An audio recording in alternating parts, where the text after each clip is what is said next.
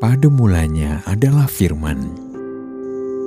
Firman itu bersama-sama dengan Allah, dan firman itu adalah Allah. Ia pada mulanya bersama-sama dengan Allah. Segala sesuatu dijadikan oleh Dia, dan tanpa Dia tidak ada suatu pun yang telah jadi dari segala yang telah dijadikan.